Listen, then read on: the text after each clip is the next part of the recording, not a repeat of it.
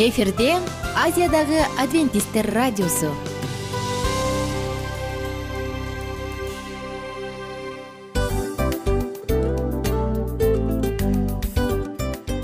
Достор салют. Баардык сүйүктүү угармандарыбызга салам айтабыз. Кутман күнүңүздөр менен. Ден соолук өмүрдүн булагы демекчи саламат саамы программасында баарыңыздарды көргөнүбүзгө абдан кубанычтабыз. Анда алгач амандашып өтөлү арбаңыздар деп. Ден соолугуңуздар кандай элибизде көбүнчө ден соолук кандай дегенде эле жакшы деп жооп беребиз э? ооруп турсак дагы жакшы дейбиз. Анан мен муну айтып ойлойт элем бул абдан сонун сөз депчи. Анткени бул жакшы деген үмүт да ооба баары жакшы болот баары сонун. Деп үмүттөнүп атып эле өзүбүздү өзүбүз дарылап коебуз. Анысы кандай? Сиздин дагы ден соолугуңуз жакшы беш деген үмүттөбүз чындыгында ден соолук бул өмүрдүн булагы деп бекеринен айтылган эмес деп ойлойм. Кыргыз элинде анткени эгерде ден соолук жок болсо анда адамдын жашоосунда калган баардык керектүү маңыздуу нерселер өзүнүн баалуулугун жоготуп коет. Ошондуктан ден соолук бул эң керектүү нерсе. Ооба туура айтасың кесиптешим. Чынында ден соолугуң жок бир эки үч күн ооруп калсаң эле э кандай болуп калат? Жашоодо көз каранды болуп каласың көп нерсеге жетишпей каласың көп нерсени кыла албай каласың жада калса эчке дүкөнгө да чыга албай каласың. Туп туура анан ден соолук болсо демек биз биздин бактыбыз тоотой деп койсок болот. Анда достор саламатсызбы рубрикабызды баштайлы. Алдыда өзүңүзгө керектүү болгон сонун кеңештерди уга аласыздар. Мына ошондуктан биз менен бирге болуңуздар. Ал эми биз болсо милан жана айнура. Кеттик алга. Алга саламат саама ден соолуктун жарчысы. Саламат саама ден соолуктун ачкычы. Күн сайын сиз үчүн мыкты кеңештер сонун жаңылыктар кызыктуу фактылар. Биздин рубрикада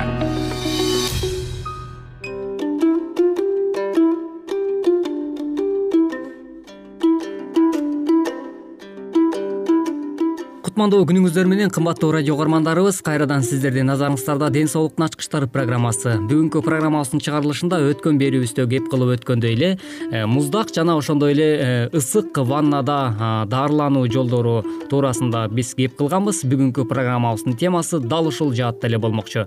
Башкача айтканда терс жана сактануу жолдору туурасында болмокчу. Анда эмесе биздин толкундан алыстабай дал ушул жаатта биз менен биргеликте болуңуз бул ыкма жаман таасирлүү рак шишиктерине каршы. Начарлаган майда кан тамырларга жана кант диабетке каршы. Ысык муздакты сезүүгө төмөн болсо терс таасирин тийгизет. Мурду же башка жери тез канаса бул ыкманы колдонууга такыр эле болбойт. Ошондой эле бул ыкманы колдонуу үчүн керектелүүчү нерселер.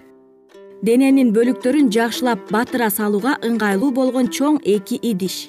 Суунун жылуулугун өлчөөгө термометр. Шейшеп же халат сууну жакшы сиңирген сүргү башына колдонууга муздак компресс зарыл болсо дезинфекция кылуучу нерселер ысык сууну атайын ордуна ысыгыраак суу куюп туруу үчүн чоң чөмүч. Сууну ысытуучу чайнек муздак компресс жана муздак сууга кошуу үчүн муз ошондой эле ыкмаларды колдонуунун артында маанилүү эскертүүлөр. Негизинен муздак компресс башка же моюндун тегерегине колдонулат эгерде адамдын жүрөгү мүнөтүнө отуздан ашык согуп жатса анда анын жүрөгүнүн аймагына муздак компресс коюуга болот. Ысык ваннанын суусу кырк үч жарым градустан ысык болбошу керек.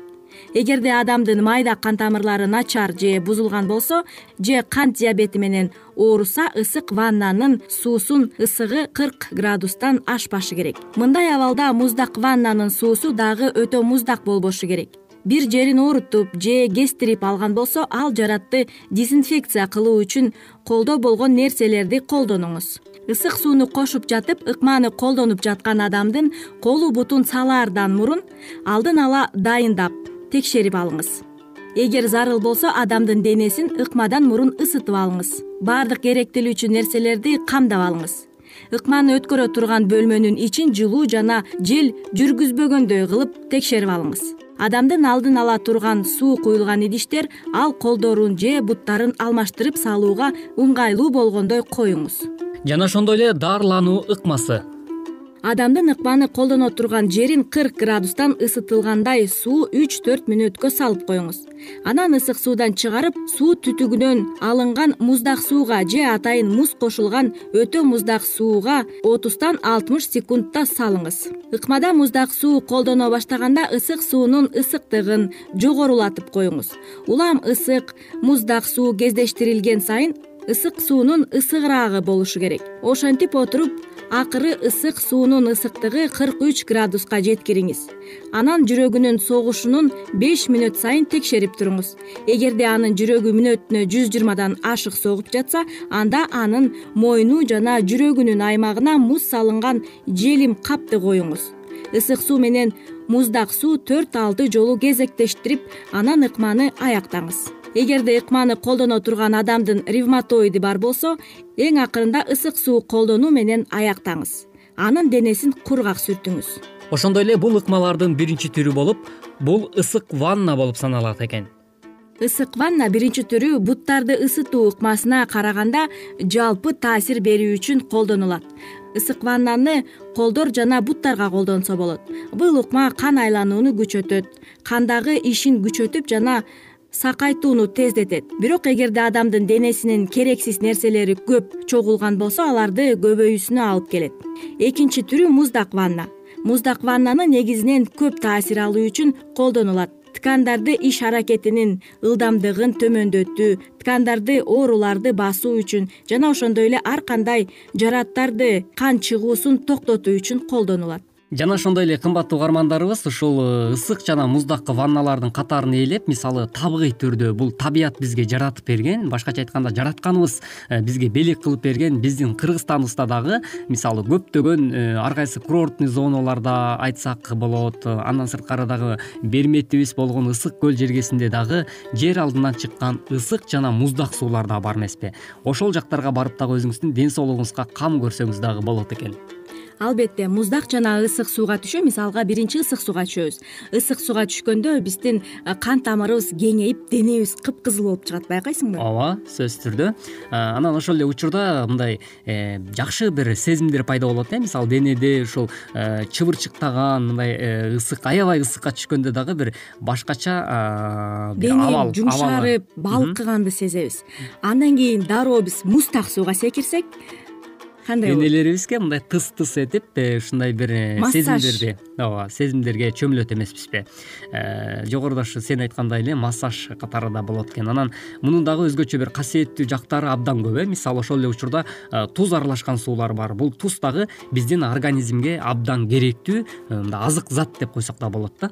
Ооба мисалы тузтуу сууга түшкөндө денедеги жаралар ар кандай аллергиялар экземалар кетет мына ушундай дене ооруларуна чалдыккан э, инсандарыбызга да абдан бул жакшы натыйжасын жана жардамын берет экен. Андыктан э, ушул көнүгүүлөрдү аткаруу дагы бизге абдан керек экен. Анткени жаратканыбыз деле э, бизге керектүү гана нерсени жаратып берет эмеспи туура жана мисалы ваннаңыз жок болсо үйдө душ деле бар туурабы? Душка мисалы биринчи бир беш мүнөт ысык душка туруп туруп анан кайра дароо муздак сууну үстүңүзгө серпип ийсеңиз бул дене чымыр болот экен жана ошондой эле дагы бир э, мындай эрежелери бар экен. Ушул ысык жана муздак сууга түшүү эрежесинде ошол жогоруда биз айткандай жер алдынан чыккан сууларда мисалы эркек аялдардын дагы айырмачылыгы э, бөлүнөт экен да бул жакта. Мисалы эркек кишилер он беш мүнөттөн ашык түшкөнгө болбойт экен. Ашып кетсе бир он мүнөт он беш мүнөт эле ушундай аралыкта баягы ысык сууга отурганга мүмкүн экен. Ал эми аял заты болсо жыйырма мүнөткө чейин же болбосо отуз мүнөткө чейин жарым саатка чейин отуруп жүрө бергенге болот экен. Бирок ал дагы сиздин ден соолугуңузга байланыштуу болот экен. Мисалы муздак жана ысык ваннаны биз кезектештирсек бул биздин жүрөгүбүзгө дагы массаж болот экен. Ооба ушундай жакшы э, касиеттүү жактары бар экен. Саламат саама ден соолуктун жарчысы. Саламат саама ден соолуктун ачкычы. Күн сайын сиз үчүн мыкты кеңештер сонун жаңылыктар кызыктуу фактылар. Биздин рубрикада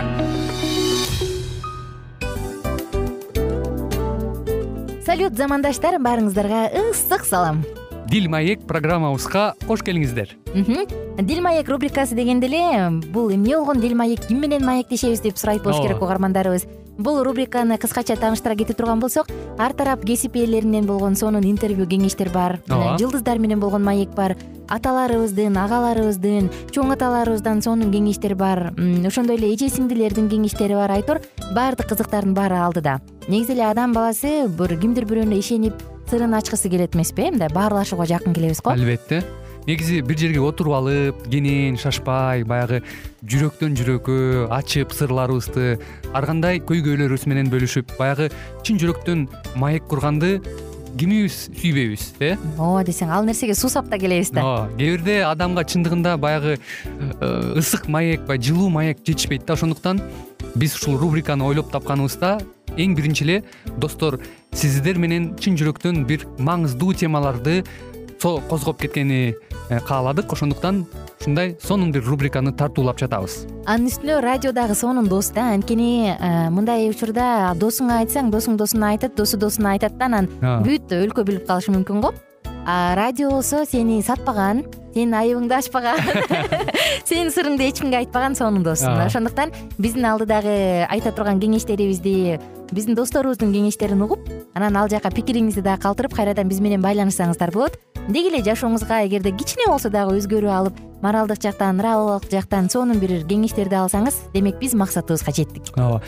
Чыңгыз атабыз улуу жазуучу э, чыңгыз айтматов айткандай адам болуу бул күнүмдүк процесс экен. Күн сайын адам бойдон калуу бул адамзатка эң эле кыйын дейт э? э эң кыйын дейт. Чындыгында бунун э, негизинде адамдын эң баягы сапаттуулугу адамдын э, адамгерчилиги жана көптөгөн керектүү нерселер. Мына ошол темалар дагы бизде ушул дил маекте биз аларды да козгойбуз. Ден соолук жөнүндө да сүйлөшөбүз. Сөзсүз түрдө. Анан милан мырза негизи айтып коюшат го биз көбүнчө эмнени ойлонсок ошол нерсеге карата иш кылабыз го. Ооба. Анан анысы кандай? Балким бул радио баракчада кимдир бирөөнүн оюн текшергенге жардам берет кимдир бирөөнүн жүрөгүн текшергенге жардам берет. Балким кимдир бирөөгө жашоонун маңызын тапканга жардам берет. Айтор кызыктын баары алдыда бул жөн гана кыскача жарнама анда угармандарыбыздын баардыгын кийинки рубрикабызга чакырабыз. Ал эми кызматта маңдайымда отурган кесиптешим милан жана мен айнура. Анда эмесе биз даярдаган терең терең ойлор менен таанышууга кеттик. Алыс алыс баралык анда эмесе достор биз менен бирге болуңуздар. Алдыда эң кызыктуу маалыматтардын баардыгы бир нече мүнөттөр бою жалгыз гана сизге арналат мына ошондуктан жакшы маанай менен угууну каалайбыз үн алышканча. Жөнөдүк. Ар түрдүү ардактуу кесип ээлеринен алтын сөздөр жүрөк ачышкан сыр чачышкан сонун маек дил маек рубрикасында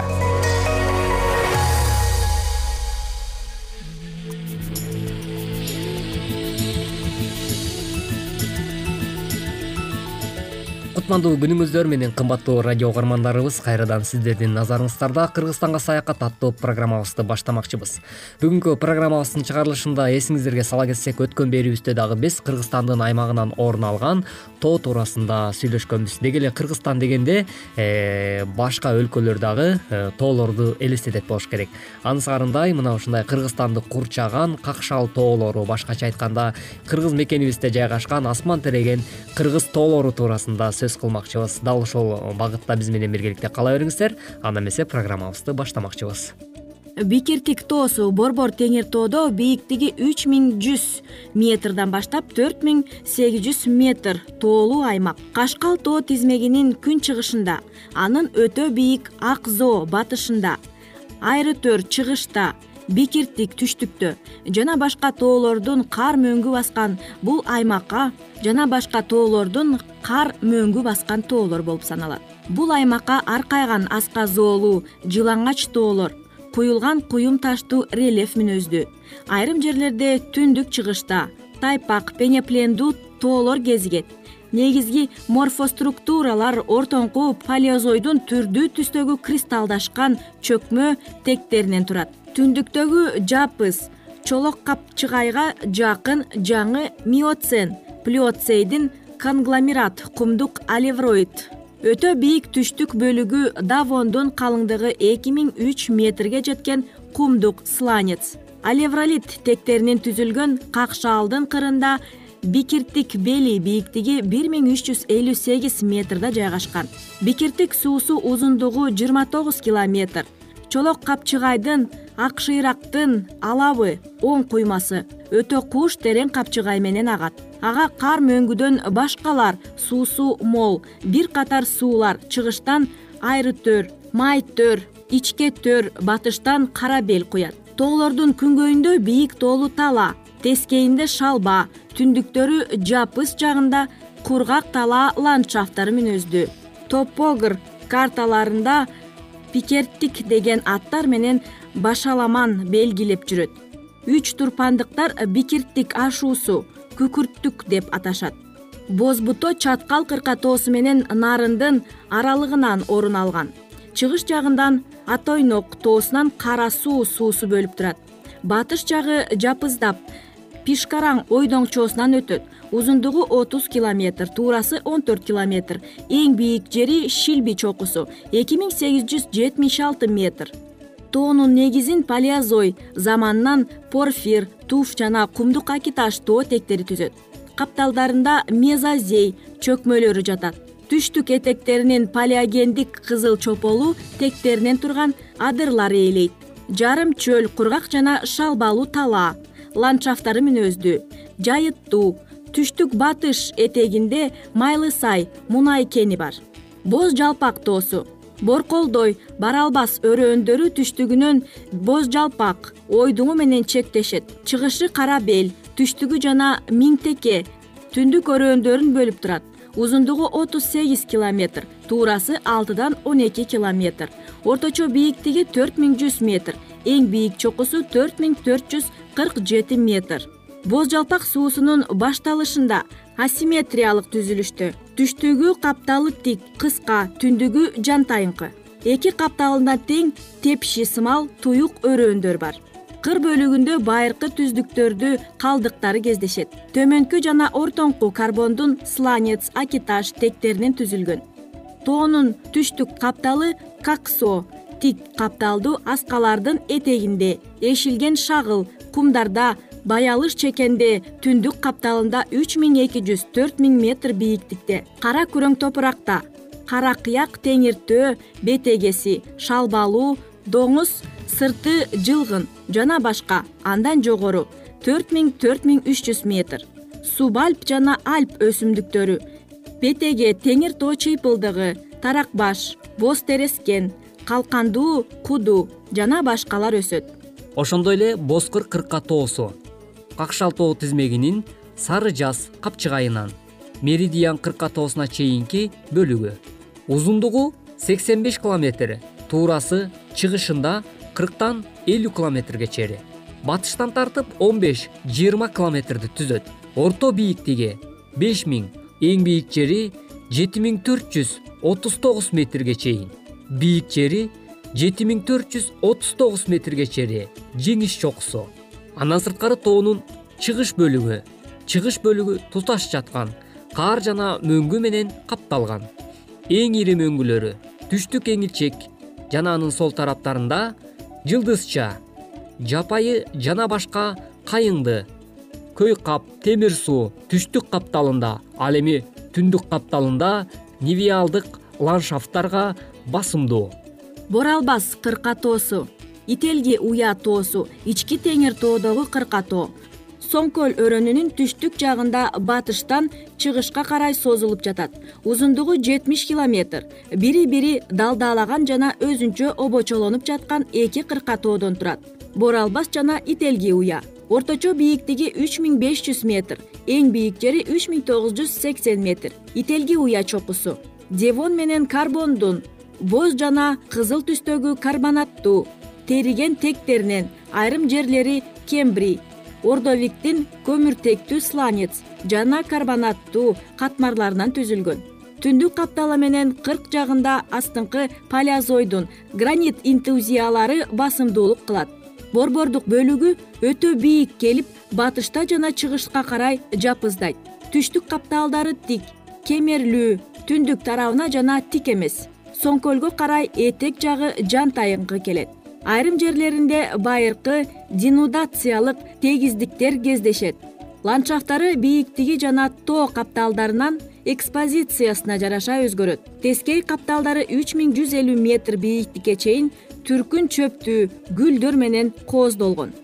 Кымбаттуу угармандарыбыз бүгүнкү берүүбүздүн чыгарылышында сиздер кыргызстанга саякат аттуу берүүбүздө кыргызстан аймагында жайгашкан биздин ак мөңгүлүү тоолорубузга саякатка бардык мына ошентип биз бүгүнкү берүүбүздө какшал тоолору туурасында кеп кылдык. Бүгүнкү уктуруубузга назар салганыңыздар үчүн чоң рахмат. Кийинки берүүбүздөн дал ушул аба толкундан үн алышканча сак саламатта болуңуз. Ар түрдүү ардактуу кесип ээлеринен алтын сөздөр жүрөк ачышкан сыр чачышкан сонун маек бил маек рубрикасында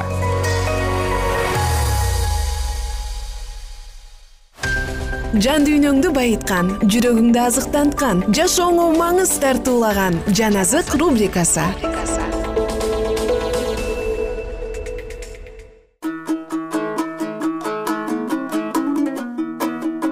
Саламатсыздарбы угармандар кадырман замандаштар сиздер менен бирге улуу күрөш китебин улантабыз. Машаяктын келиши жакын деген сөздөрдөн бул сооротуулар акыркы мезгилдеги жыйындарга айтылгандыгы көрүнүп турат. Анткени аз эле аз эле калды. Жана келе турган келет токтолбостон келет. Бул жерде кичине кечигүү үчүн теңир келбей тургандай көрүнгөндүгү жазылган. Бул насааттар өзгөчө адвентисттердин тажрыйбасына дал келет. Бул сөздөр айтылган элдердин ишенимдерин кемендей кыйроо коркунучу күтүп турат. Алар кудайдын сөздөрүнүн көрсөтмөлөрүнүн артынан баруу менен кудайдын эркин аткарышкан. Ошондой болсо дагы алар өздөрү кабылып калган сынактарга байланыштуу болгон теңирдин оюн түшүнө алышкан эмес. Аларды кудай эмне себептен ушул жолдор менен алып жүрүп олтурганын биле алышпады. Жана чын эле кудайдын жетегинде бара жаткандыгына дагы шектенишкен. Бул мезгилдерге төмөнкү сөздөр дал келген. Такыба өз ишениминде тирүү калат качан түн ортосундагы кыйкырыктын жарыгы алардын жолун жарык кылганда алар пайгамбарлыктар ачылганын көрдү. Ал эми бат аткарыла баштаган жышаан белгилер машаяктын келиши жакындыгын билдирген жана алар өздөрүн көрүнүктүү жерде тургандай сезишкен. Бирок эми көңүл калуулардын жана көңүл чөгүүлөрдүн жүгүнүн алдында алар бир гана кудайга жана анын сөзүнө ишенүү аркылуу гана туруштук бере алышмак акылдан ажыраган дүйнө мындай деп айткан. Силерди алдап койду. Өз ишенимиңерден баш тартып адвентисттердин кыймылы шайтандан деп айткыла. Бирок кудай сөзү мындай деген. Ал эми ким олку солку болсо аны менин жаным жактырбайт. Эми кабарды коштоп жүргөн ишенимден кайтуу кудай рухунун күчүнөн баш тартуу кудайдан баш тартуучулукту жана өлүмдү билдирген. Элчи павылдын бул сөздөрү алардын ишенимин бекемдеген. Демек үмүтүңөрдү калтырбагыла анын абдан сонун сыйлыгы бар. Силерге чыдамкайлык керек. Анткени аз эле аз эле калды. Жана келе турган келет токтолбостон келет. Алар бир гана жападан жалгыз жол менен кудайдан бир жолу алган жарыкты сактап баруулары керек болгон жана жаңы жарыкты алыш үчүн анын убадаларына бекем ишенип кудай сөзүн изилдөө менен чыдамдуулукта жана сергектикте күтүү зарыл жыйырма үчүнчү бап. Касиеттүү жай деген эмне? Адвентисттердин ишениминин негизи жана оңгусу болуп ыйык жазуунун төмөндөгү жери эсептелет. Эки миң үч жүз кеч жана таң өткөнчө болот. Жана ошондо гана касиеттүү жай тазаланат. Даниэль сегизинчи бап он төртүнчү аят машаяктын келишине ишенген бардык ишенүүчүлөргө бул сөздөр тааныш болгон. Миңдеген ооздор. Бул сөздөрдү өз ишенимдеринин символу катары айтып жүрүштү.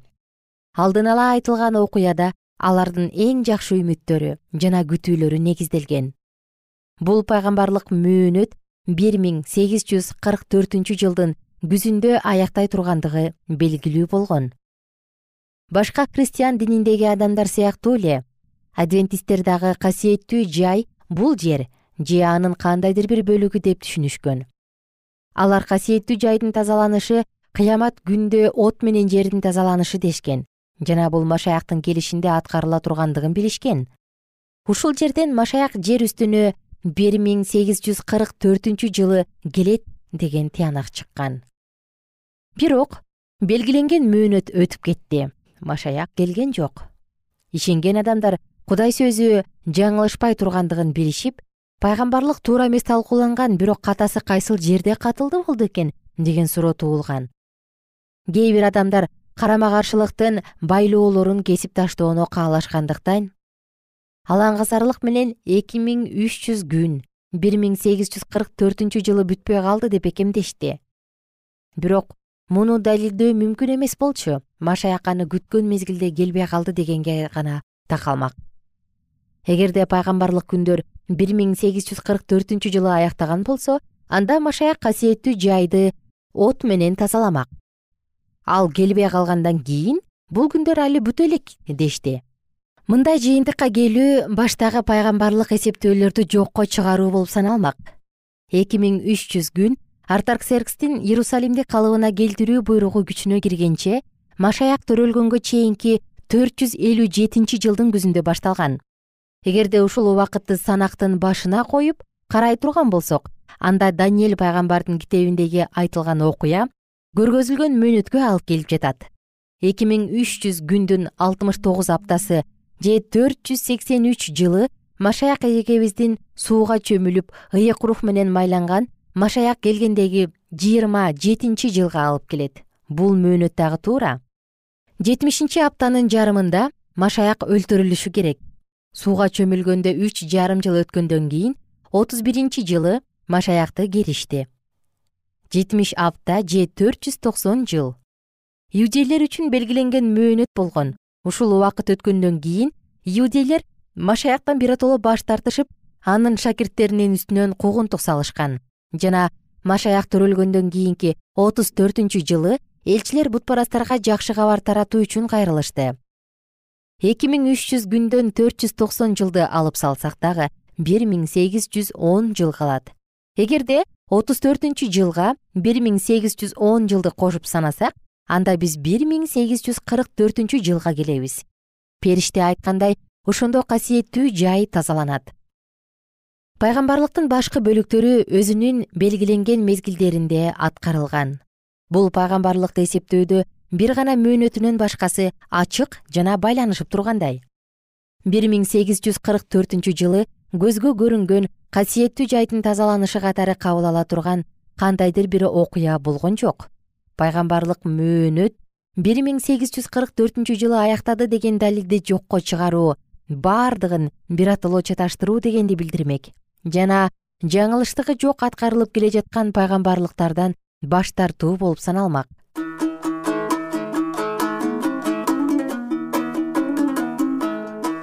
кадырлуу замандаштар сиздер менен окуябыздын дал ушул кызыктуу жеринен токтотобуз дагы кийинки уктуруудан үн алышканча деп коштошобуз. Кайрадан амандашканча күнүңүздөр көңүлдүү улансын.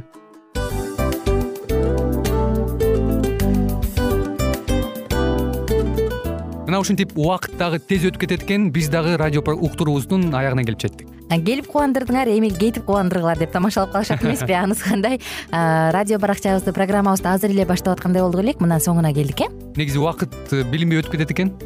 Мен дагы э, убакыт дегенде бүгүн бир адам менен сүйлөшүп калдым. Анан убакыт бул мүмкүнчүлүк деп айтып өзүмө өзүм айтып алып анан мага өзүмө эле кайра ачылыш болду да чын эле Э, карап отурсаң ошол эле жыйырма төрт саат ошол эле жарым саат кайталанып атат.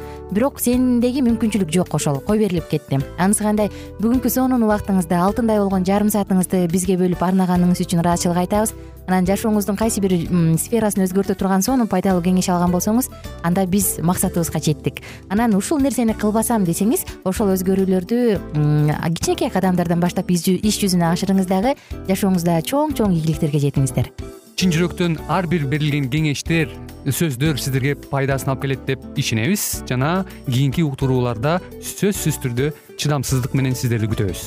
Сагынычтуу салам айтып кайрадан дал ушул жыштыктан баардыгыңыздарды тосуп алганча кызматта мен айнура жана кесиптешим милан анда кол булгалайбыз жалпыңыздарга ийгиликтүү күн. Саламатта калыңыздар